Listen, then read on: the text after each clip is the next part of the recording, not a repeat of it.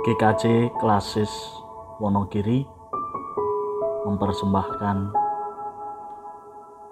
nyanyian Angsa buah karya W.S. Lendra Majikan rumah pelacuran berkata kepadanya, "Sudah dua minggu kamu berbaring, sakitmu makin menjadi. Kamu tak lagi hasilkan uang, malahan kepadaku kamu berhutang. Ini biaya melulu." Aku tak kuat lagi. Hari ini kamu harus pergi.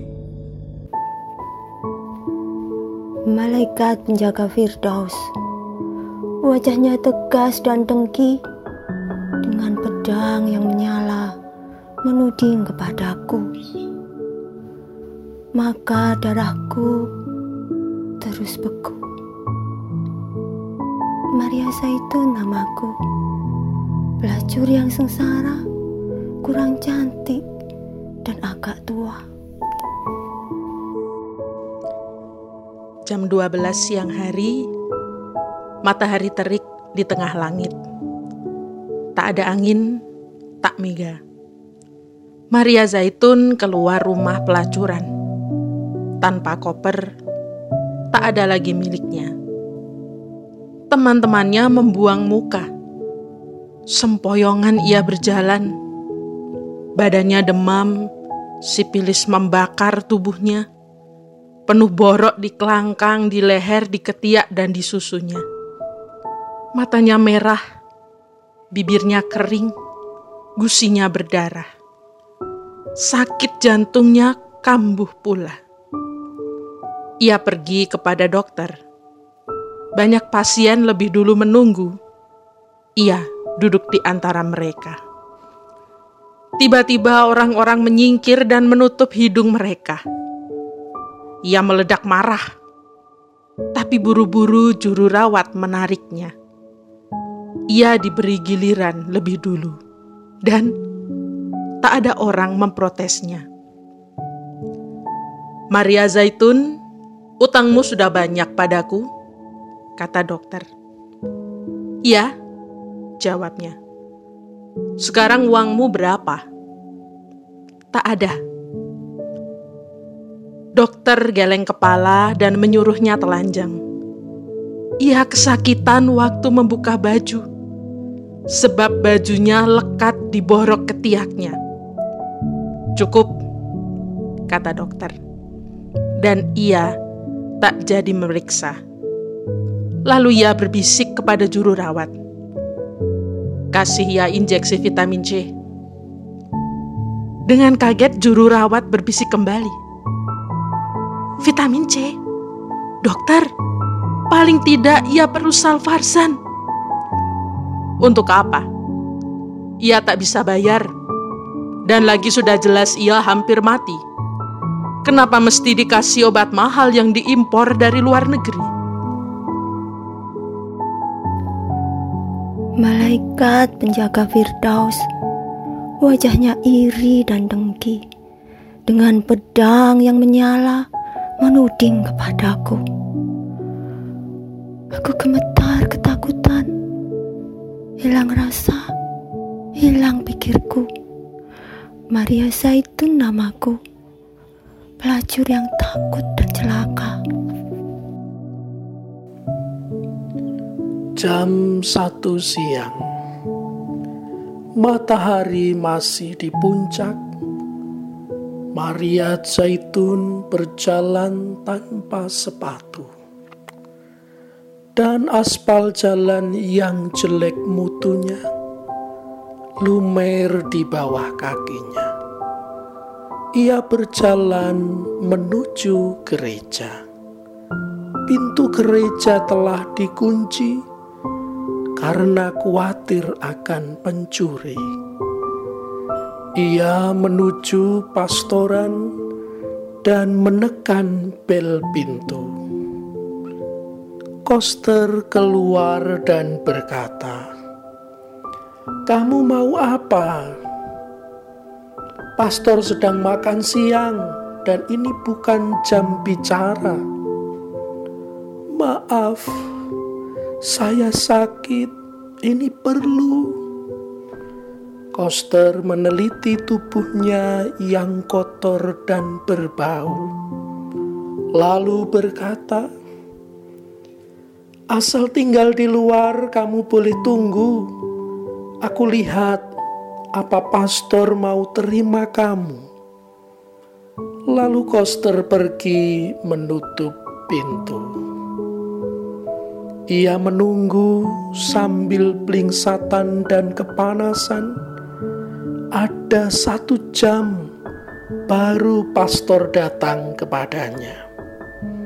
Setelah mengorek sisa makanan dari giginya, ia nyalakan cerutu lalu bertanya, "Kamu perlu apa?" Bau anggur dari mulutnya, selopnya dari kulit buaya. Maria Zaitun menjawabnya, "Mau mengaku dosa, tapi ini bukan jam bicara. Ini waktu saya berdoa." Saya mau mati. Kamu sakit. Ya, saya kena raja singa. Mendengar ini, pastor mulai mundur dua tindak. Mukanya mungkret, akhirnya agak keder ia kembali bersuara. Apa kamu hmm, kupu-kupu hmm, malam? Ya, saya pelacur. Santo Petrus, tapi kamu Katolik. Ya, Santo Petrus. Tiga detik tanpa suara, matahari terus menyala, lalu pastor kembali bersuara. Kamu telah tergoda dosa tidak tergoda, tapi melulu berdosa. Kamu telah terbujuk setan. Tidak, saya terdesak kemiskinan dan gagal mencari kerja. Santo Petrus, Santo Petrus, Peter dengarkan saya. Saya tak butuh tahu asal-usul dosa saya yang nyata hidup saya sudah gagal. Jiwa saya kalut dan saya mau mati. Sekarang saya takut sekali. Saya perlu Tuhan atau apa saja untuk menemani saya. Dan muka pastor menjadi merah padam. Ia menuting Maria Zaitun kamu galak seperti macan betina, barangkali kamu akan gila, tapi tak akan mati. Kamu tak perlu pastor, kamu perlu dokter jiwa. Malaikat penjaga Firdaus, wajahnya sombong dan dengki, dengan pedang yang menyala, menuding kepadaku. Aku lesu tak berdaya, tak bisa nangis, tak bisa bersuara. Maria Zaitun namaku, pelacur yang lapar dan dahaga. Jam 3 siang, matahari terus menyala, dan angin tetap tak ada.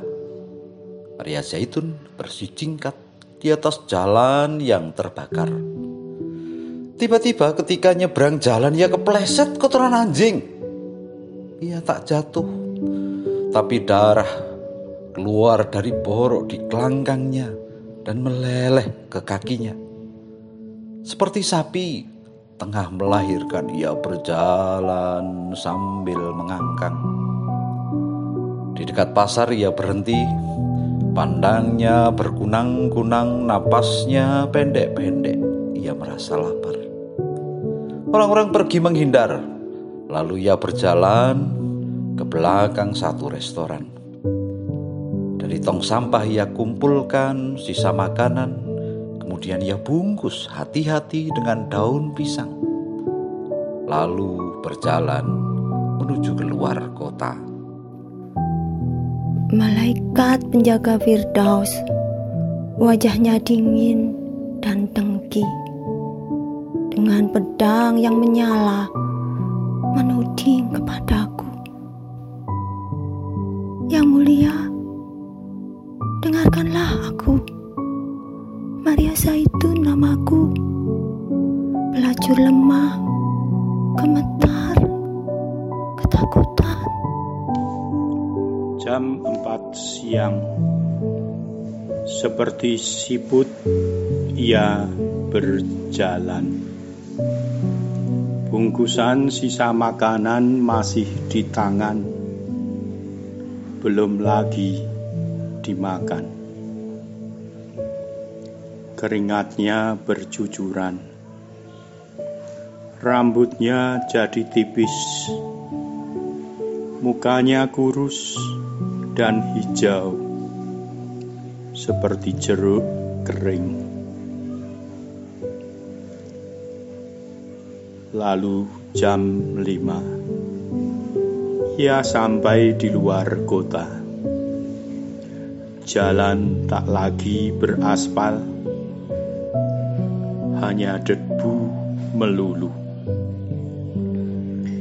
Ia memandang matahari dan pelan berkata, "Berdebah." Sesudah berjalan satu kilo lagi, ia tinggalkan jalan raya dan berbelok masuk sawah, berjalan di pematang. Malaikat penjaga Firdaus, wajahnya tampan dan dengki. Dengan pedang yang menyala, mengusirku pergi. Dan dengan rasa jijik ia tusukkan pedangnya perkasa di antara gelangkangku. Dengarkan yang mulia, Maria Zaitun namaku. Pelacur yang kalah, pelacur terhina. Jam 6 sore, Maria Zaitun sampai ke kali. Angin bertiup,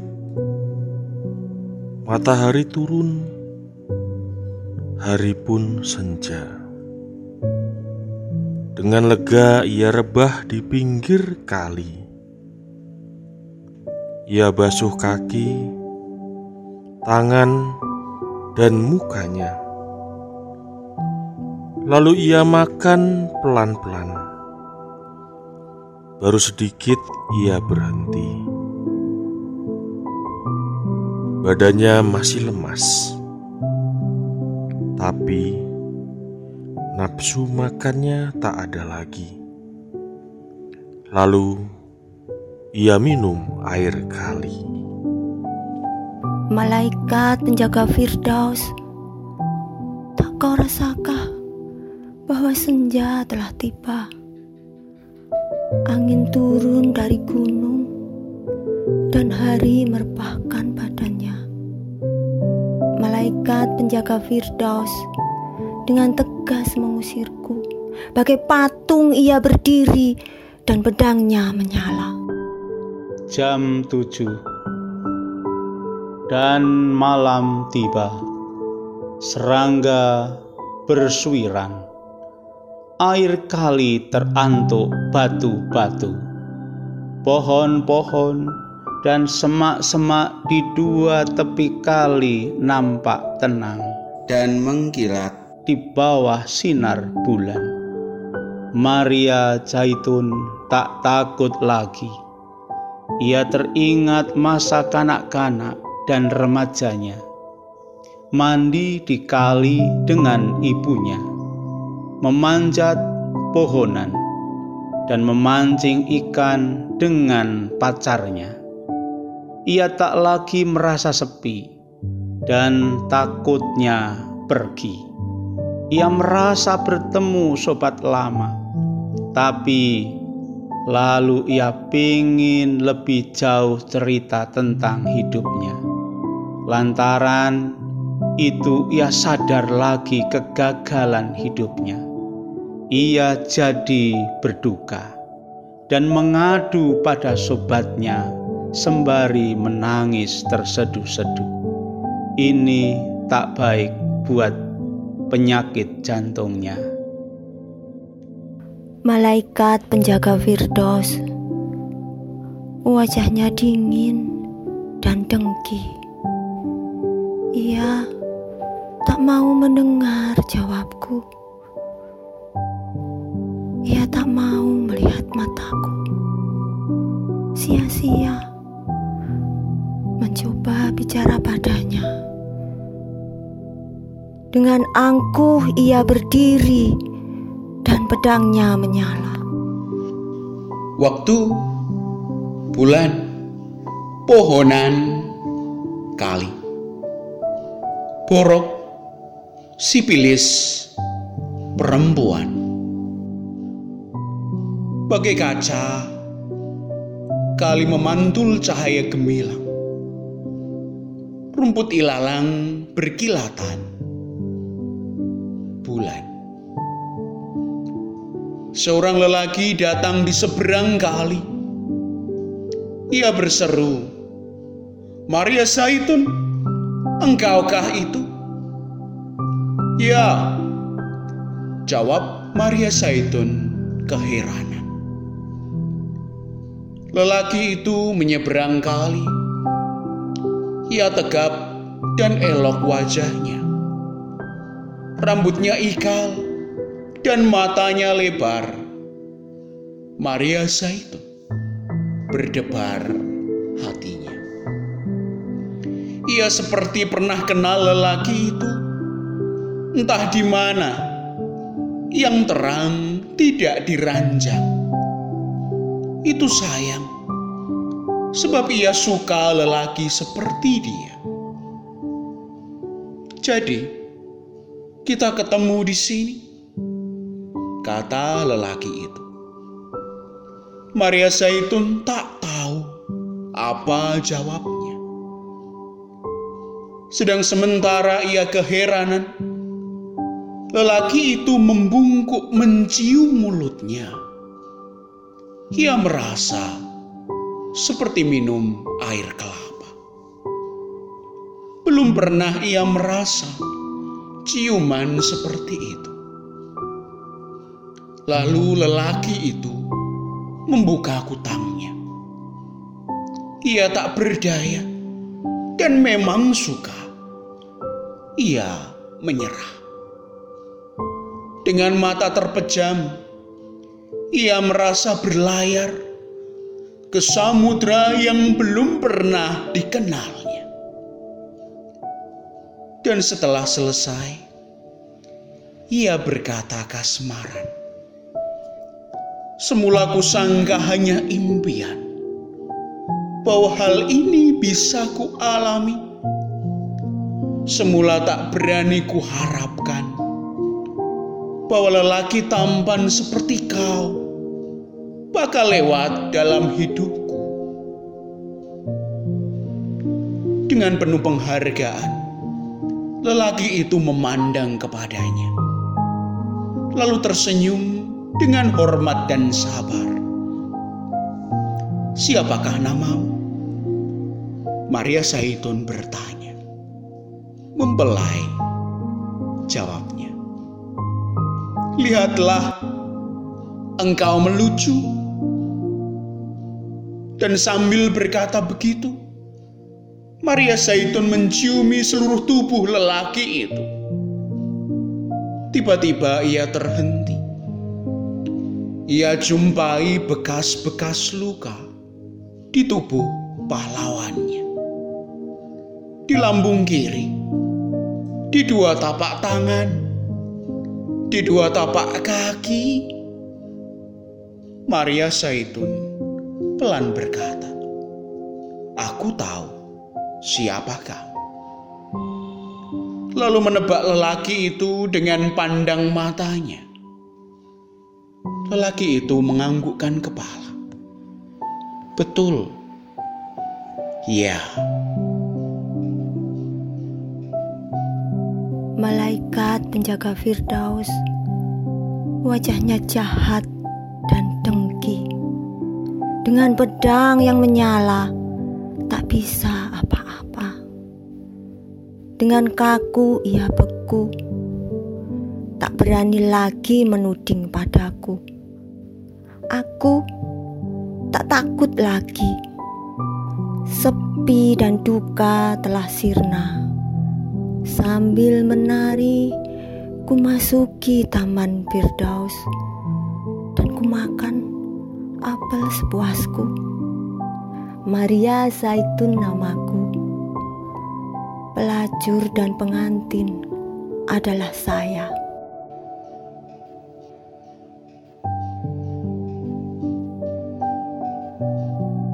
Selamat Paskah kepada Bapak Ibu Saudara Jemaat GKJ Klasis Wonogiri. Kiranya Kristus yang bangkit membangkitkan semangat kita bersama untuk melawan virus corona COVID-19 ini dengan tetap berpegang pada pengharapan Kristus dan berpegang pada kasihnya kepada umatnya. Itulah sebabnya. Mari kita dengarkan ajakan Paulus di Minggu Paskah ini. Karena itu, kalau kamu dibangkitkan bersama dengan Kristus, carilah perkara yang di atas, di mana Kristus ada duduk di sebelah kanan Allah. Kolose 3 ayat pertama. Tetap beribadah di rumah, merayakan Paskah di rumah bersama keluarga melalui ibadah keluarga kiranya kita dapat mewartakan kebangkitannya dengan hidup yang lebih baik. Tuhan beserta